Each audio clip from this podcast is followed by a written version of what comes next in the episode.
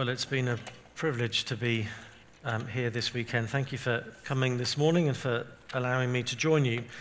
I want us to, to look at that passage in John chapter 4. If you have a, a Bible to hand, you might want to turn to that passage. I think parts of it will appear on the screen as well. Um, our theme this weekend has been identity in Christ, and identity is an issue that all of us in some way wrestle with, uh, trying to understand who we are and how we find that out. Um, I was um, kind of reaching adulthood in the early 90s, and one of the big kind of focal points of the 90s was finding yourself. Um, I had a year between finishing high school and starting university. Very common thing to do in England to, to have a gap year where you would go and earn some money, travel somewhere. And the, the kind of the big thing was you would have a gap year to find yourself. You would travel to some other country, you'd backpack around Southeast Asia, and the whole point of it was to discover yourself. And it, it kind of became a bit of a cliche. And I remember reading one person saying that they went to this place that was so beautiful they managed to find themselves and lose themselves at the same time. Which I don't know if travel insurance covers that. But our passage this morning shows us actually the only real way we can encounter our true selves is by being known by Jesus. Uh, we don't need to go backpacking, we don't need to go trekking somewhere. Uh, we just need to encounter Jesus. Um, Jesus, in this passage, is on his way from Judea in the south up to Galilee in the north. And to get from one to the other, you have to pass through the region of Samaria. And it's a pretty long story. And so Jesus uh, has a, a, rest break.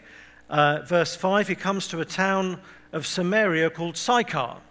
Uh, there's a well there, so it's a, a good place to stop for some refreshments. So in John chapter 4, this is where we find Jesus. And so far, it's pretty normal. Jesus is on a journey, he's stopping uh, for a drink, um, he's at a well, and yet almost immediately, unusual things start to happen. Um, we're told in verse 6 that Jesus was there at the sixth hour. That's the middle of the day. Uh, not a comfortable time to be outdoors in that part of the world. But Jesus is there sitting beside the well. At this stage, he's on his own. We're told later on that the disciples have gone away to find um, some food for lunch. But he's not on his own for long because a woman arrives at the well. And this is where things begin to become unexpected. Uh, Jesus says to her in verse 7, Give me a drink. Now, Jesus saying that doesn't sound like that's particularly eventful to us. Uh, it doesn't feel like headline news. They're both at a well. Uh, as we'll see in a few moments, she has a bucket and Jesus doesn't. And so it seems perfectly natural for Jesus to say to her, Please, please, may I have a drink? But at that time, this would have been quite scandalous. Uh, she was a woman, and if you're a man, you're not supposed to talk to a woman you don't know. Uh, moreover, she is a Samaritan. This is a, a race that the Jewish people hated. Uh, many Jews, if they were making the same journey as Jesus, would go the long way round and avoid Samaria entirely. They didn't even want to, to step on Samaritan soil. Uh, there was a lot of bad history. Uh, this was the region that had split off from the rest of the people of God in the Old Testament. Uh, they'd been invaded by the Assyrians who had settled the land and intermarried among them, so they were regarded as half breeds where even the, the good half isn't that great. So many Jews despised Samaritans. And added to that is the kind of Samaritan woman that she is. Uh, she is there at the well on her own in the middle of the day when you're pretty much guaranteed not to see anyone. And so, by all accounts, she's a bit of an outcast. She comes to the well when she can be guaranteed to see, to see no one else. And what we go on to learn about her in this passage confirms that she's an outcast. And so, by talking to this woman, Jesus is breaking social, ethnic, moral, religious, and gender barriers. He initiates a conversation with her. Uh, he doesn't talk to her to have a go at her or to take advantage of her. No, he asks her for something. He treats her with dignity. He shows her that she has value to him. And it reminds us of, of how unlike us Jesus often is. Uh, the people we might avoid, Jesus takes an interest in. So she's surprised in verse 9. She says to him, How is it that you, a Jew, ask for a drink from me, a woman of Samaria? So she's kind of wondering what's going on as well. But the next surprise is what Jesus then says to her. So, verse 10 Jesus answered her, If you knew the gift of God and who it is that is saying to you, Give me a drink, you would have asked him, and he would have given you living water. Jesus is saying, Listen, I've asked you for a drink, but actually, you should have been asking me for a drink. He says, What is shocking is not the fact that I'm asking someone like you for, for water. What is shocking is that you're not asking someone like me. Now, again, this is very strange. Jesus seems to be the one who's needing a drink, and yet now he's offering one. At verse 11, she points out that Jesus doesn't have anything to draw water with. So it's bizarre on every level that he's the one offering a drink. But Jesus is making a much deeper claim. He's not offering the sort of water that she can get from the well. Again, in verse 10, he says, If you knew the gift of God and who it is that is saying to you, Give me a drink, you would have asked him, and he would have given you living water. Jesus talks about knowing uh, the gift of God. Jesus is saying that, that what's at stake here is is something that is given by God, it's not earned. And your race, your sex, your character, your background makes no difference. There is a gift that God is offering. Jesus is saying that this gift comes through him. He says, If you knew the gift of God and who it is that is saying to you, Give me a drink. Jesus is saying that what it is God has to offer us is going to come through Him. And what that gift is, Jesus describes as living water.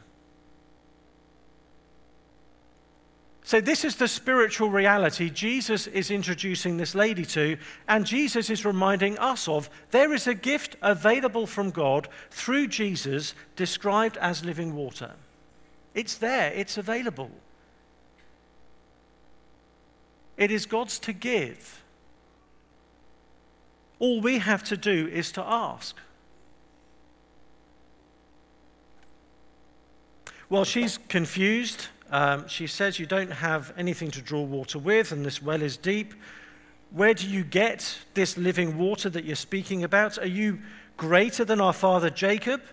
He gave us the well and drank from it himself, as did his sons and his livestock. She's saying, Okay, Jesus, you're, you're offering me some water here, but have you got a better well than this one? I know this is Jacob's well. This, this well has some some history, some pedigree? Did you bring another well with you or something? Because where are you going to get your water from? So Jesus explains what he's talking about. He says to her in verse 13, Everyone who drinks of this water will be thirsty again, but whoever drinks of the water that I will give him will never be thirsty again. Jesus is saying there are two kinds of water. There's regular water. There's the kind of water you can get from that well. There's a kind of water each of us will have already drunk some of this morning.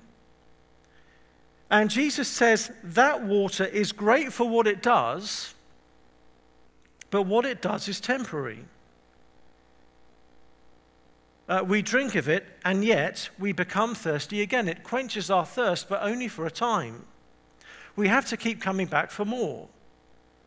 Uh, this water doesn't help us in any long lasting kind of way. And so Jesus says there's another type of water. Uh, the water we drink every day, some of you may have water bottles with you right now, that is not the only water that exists. And the thirst we have for that water is not the only kind of thirst that we experience. No, Jesus is saying, as, as well as the regular water, as well as that water in the well, there is water that He can provide. There is Jesus' water, living water. He says, Whoever drinks of the water that I will give him will never be thirsty again. The water that I will give him will become in him a spring of water welling up to eternal life. Jesus is saying, if we drink from him, we will have ultimate satisfaction. We will never be thirsty again. He says, This water becomes internal. He says, It, it becomes within us a spring of water. Jesus says there is a thirst that comes from within the heart, an inner thirst, a thirst of the soul. We're very conscious of physical thirst. Jesus is saying there is such a thing as spiritual thirst. And we have physical water for physical thirst, and Jesus is offering us spiritual water for spiritual thirst. Now, let's just think about that. Jesus is making a huge claim this morning. Uh, Jesus is claiming there is something that you thirst for that nothing on earth can satisfy.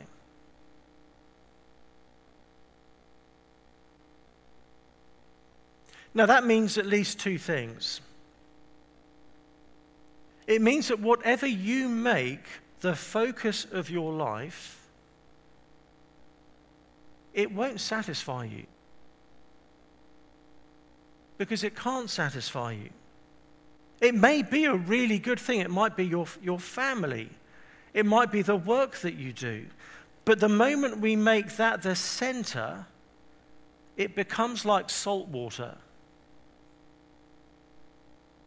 The more we drink, the greater our thirst becomes. And however, however far we get, however much we manage to achieve, we will always want more. I think it was someone asked, um, I think it was uh, Rockefeller, the, the famous American, very rich man, I think in the early half of the 20th century. They said, How much money is enough? One of the richest people in the world, he answered by saying, just a bit more. However much you have, you, you just want a bit more. And the restlessness and boredom we have, especially when we succeed at something, shows us that there is a thirst for something that this world cannot provide. And if we have a presence of a thirst that cannot be quenched by anything in this world, it is a sign that we're made for something outside of this world. Um, C.S. Lewis makes this point in his book, Mere Christianity. He says, If we find ourselves with a desire that nothing in this world can satisfy, the most probable explanation is that we were made for another world.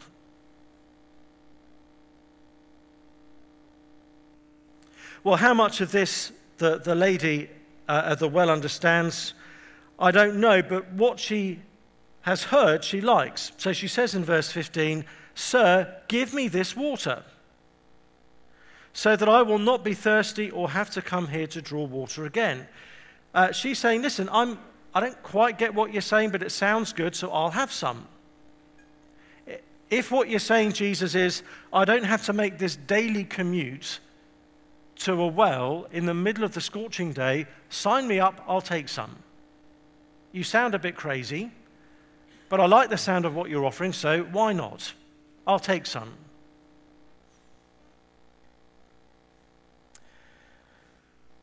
Well, then Jesus says something really bizarre. In verse 16, Jesus says to her, Go and call your husband and come here. Feels a little bit abrupt. Feels like a bit of a kind of change of gear. Something else is going on. Jesus Jesus isn't changing the subject. Jesus has been talking to her about something that can satisfy the spiritual thirst every single one of us has. And at that point, he says to her, Go get your husband. Well, she replies in verse 17 by saying, I don't have a husband. And Jesus says to her, I know. He says, You are right in saying, I have no husband, for you have had five husbands. And the one you now have is not your husband. What you have said is true. Again, it feels like a strange conversation. But the point is this Jesus knows her.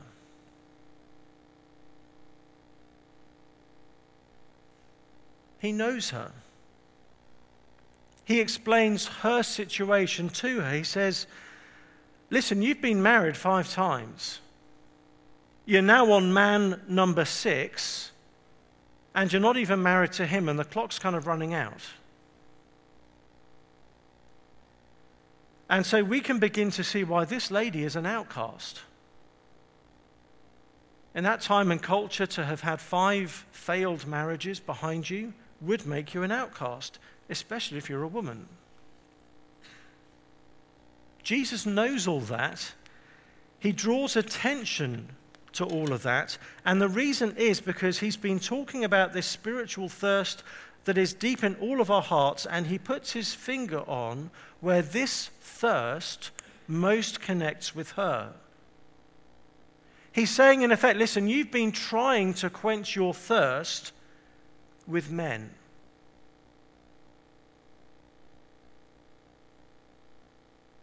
And yet, none of these men have been the answer. And yet, she seems to think that the next one might be. The first five weren't the answer to her, her deepest needs and yearnings, but maybe number six will be.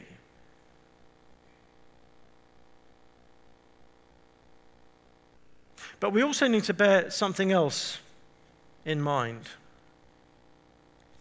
Um, at that time, only men could initiate divorce. So there are two things going on here. She is finding that each man she has been with is not satisfying the thirst of her soul.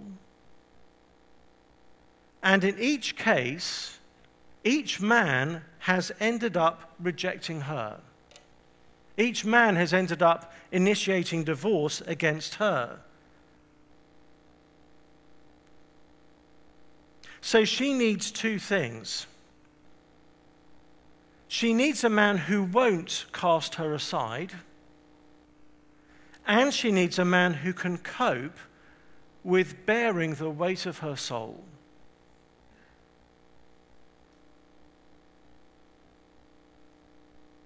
and that person is standing right in front of her.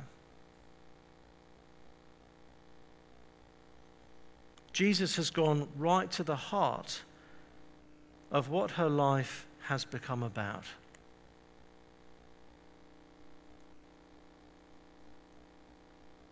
Well, this is obviously very, very tender ground for her. Jesus has just kind of shone a, a searching light right into her heart and exposed the kind of the deepest things about her. So she responds by saying, Sir, I perceive that you are a prophet. She's like, Okay, you got me. I admit it. And then she kind of, I think she tries to change the subject. She then says, Our fathers worshipped on this mountain, but you say that in Jerusalem is the place where people ought to worship. So it's as if she's saying, Listen, I just want to get the subject off me and off this very tender, you've, I just, you know, let's talk about something else. So she's saying, listen, there's a, there's a theological difference between us Samaritans and you Jews. You say you should worship in Jerusalem. We have our own mountain that we worship on. So let's talk about that. What do you think about that? Well, Jesus replies in verse 21. He seems to kind of go with this change of subject, but actually he doesn't really, because he says to her, Woman, believe me, the hour is coming when neither on this mountain nor in Jerusalem will you worship the Father. He's saying, listen, uh, there's a moment that's about to come when geography is going to have nothing to do with it. It's not going to be about geography. Worship is not going to be about where you are. Worship is going to be about your heart. He says in verse 22 You worship what you do not know. We worship what we know, for salvation is from the Jews. But the hour is coming and is now here when true worshippers will worship the Father in spirit and truth. For the Father is seeking such people to worship him. God is spirit, and those who worship him must worship in spirit and truth. Jesus is saying, listen, worship is not going to be about geography, it's going to be about what's going on in your heart. It makes no difference who has got the best mountain. What matters is that you have a heart relationship with God. Well, she may be a bit lost at this point because she then says in verse 25, I know that the Messiah is coming, he who is called the Christ. When he comes, he will tell us all things. She's saying, in effect, listen, uh, a Messiah is going to come and, and he's going to explain it, so, so don't worry about that. And so Jesus says to her, I who speak to you am he. I am that Messiah. Well, at that point, the disciples eventually come back. They've found lunch, they've bought lunch, they now return with lunch, and they're scandalized. We're told in verse 27 the disciples come back. They marveled that Jesus was talking with a woman. But no one said, Who do you seek? or Why are you talking to her? And she then goes back into her town and starts to speak to the people back there. So, verse 28 tells us the woman left her water jar and went away into town and said to the people, Come and see a man who told me all that I ever did. Could this be the Christ? Now, here's, here's what we need to notice. This is why this is so amazing. When we first met this woman, there were two things we knew about her. We knew that she needed water, and we knew that she was an outcast. She meets Jesus, she begins to understand who Jesus is, she begins to partially receive this living water that Jesus is offering. And now we're told she leaves her water jar She's just forgotten about the water. She's forgotten her thirst. And she goes back into the town from which she has been shunned and speaks to the very people she's been trying to avoid. That is what Jesus does to us. She was thirsty, she was excluded, and both those things are now reversed. And it's a picture of what Jesus does for all of us because spiritually, we're far away from God. We're, we're the outcast. Spiritually, we're the ones who thirst.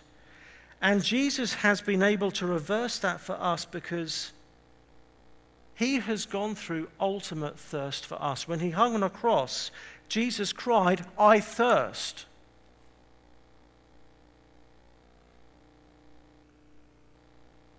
Uh, one writer says that the wrath of God is like unquenched thirst.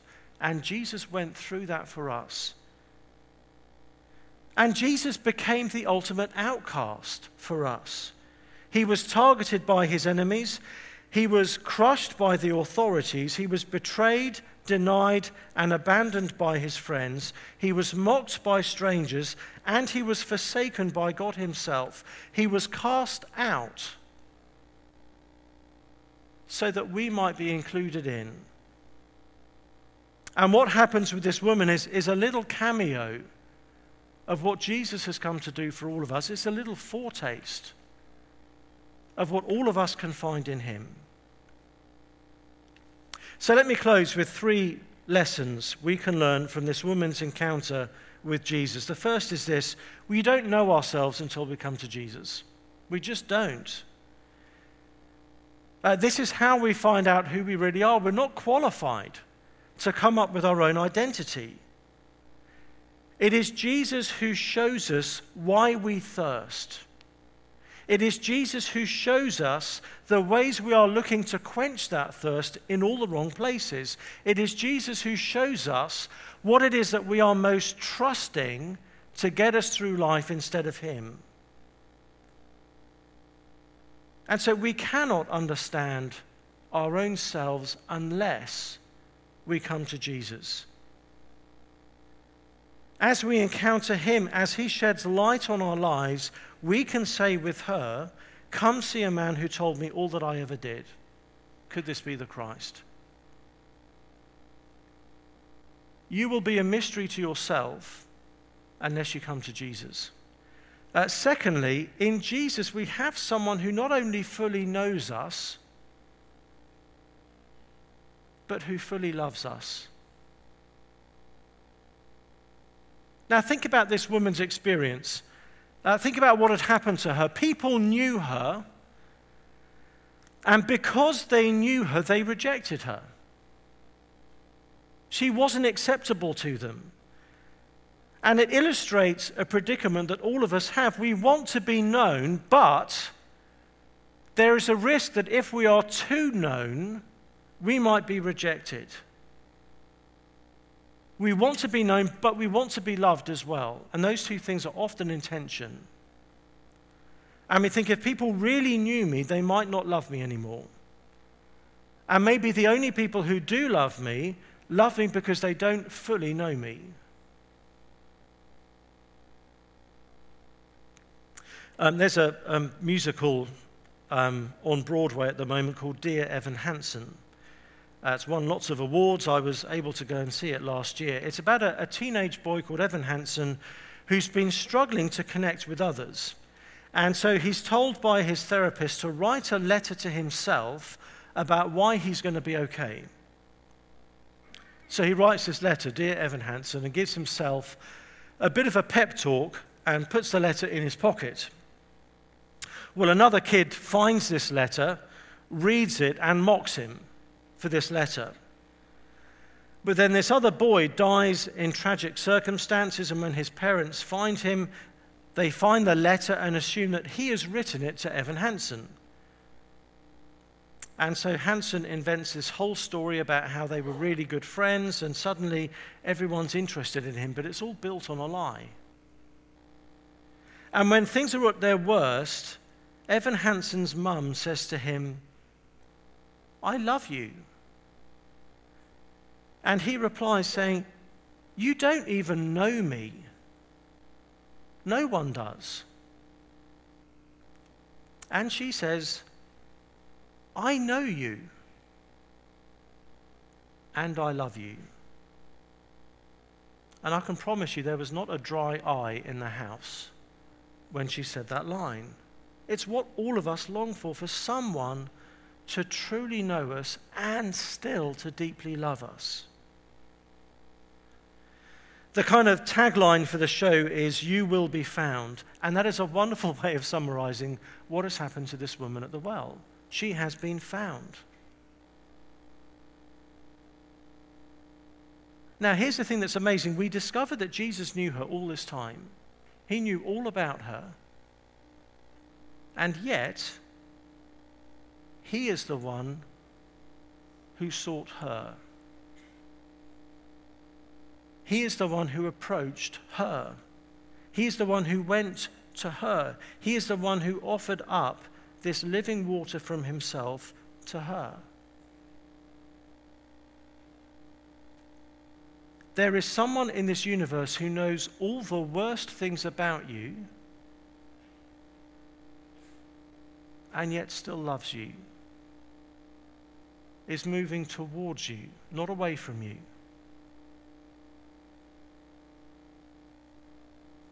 Actually, moving towards you to give himself to you.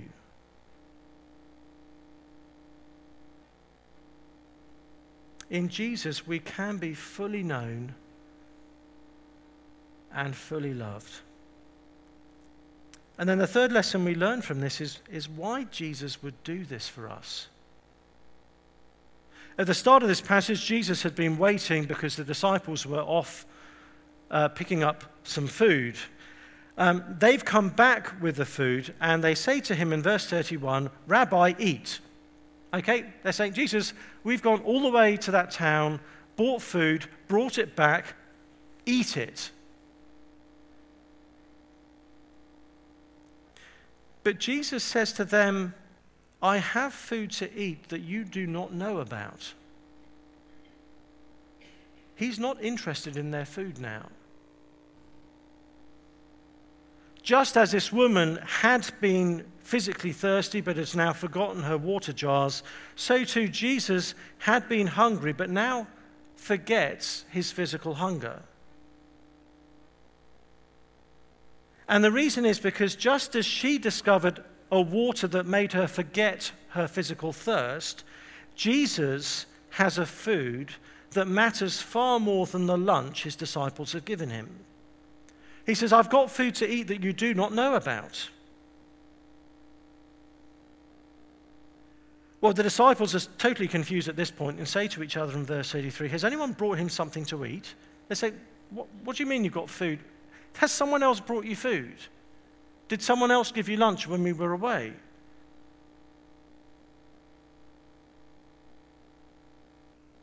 But Jesus says in verse 34 My food is to do the will of him who sent me and to accomplish his work.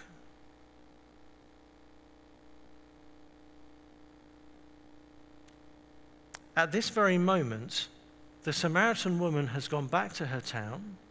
She's told them all about Jesus. We're told in verse 30 they are on their way from the town to Jesus at this very point. There's a whole ton of Samaritans on their way to find Jesus. And Jesus says, This is his food.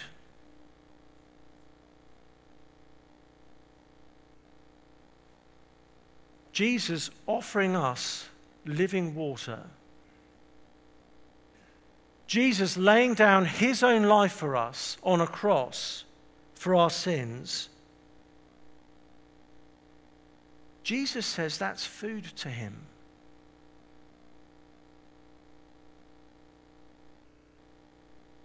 Satisfying our deepest needs. That is food to him.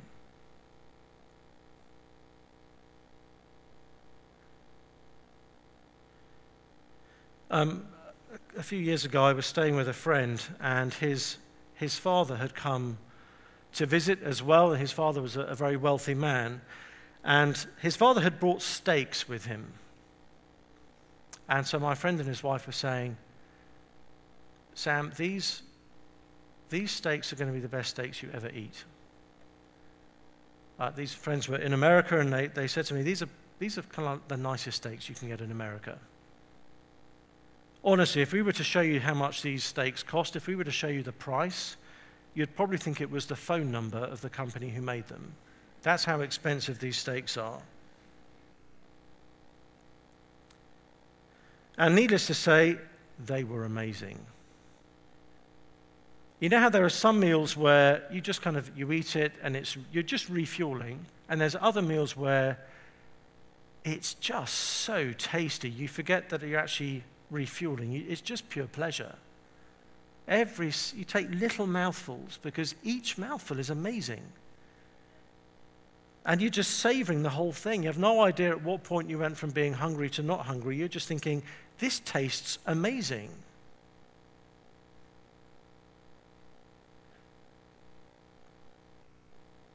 Well, Jesus says that is what his work for us is like for him. Jesus fulfilling his Father's mission, painful as it was, yet somehow Jesus derives from that a measure of satisfaction that we get from the most amazing meal.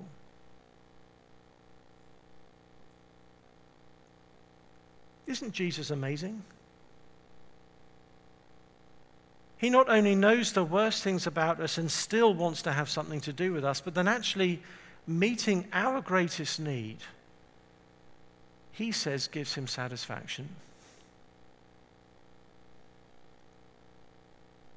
Now, I don't know anything about you, but I do know that you are coming to Jesus this morning full of need because we always do. And this passage is telling me that you are not going to wear Jesus out. Okay, it's very easy for us to think, I must, you know, I am so needy, I'm so high maintenance. I mean, Jesus must really have had enough of me by now. No, he hasn't. You're not going to wear him down, you're not going to deplete him. You're not going to be more than he can handle. You can come to Jesus again and again and again in all of your neediness, in all of your human ridiculousness, and he will always be pleased to serve you. Because that's the kind of Jesus he is. Let me pray.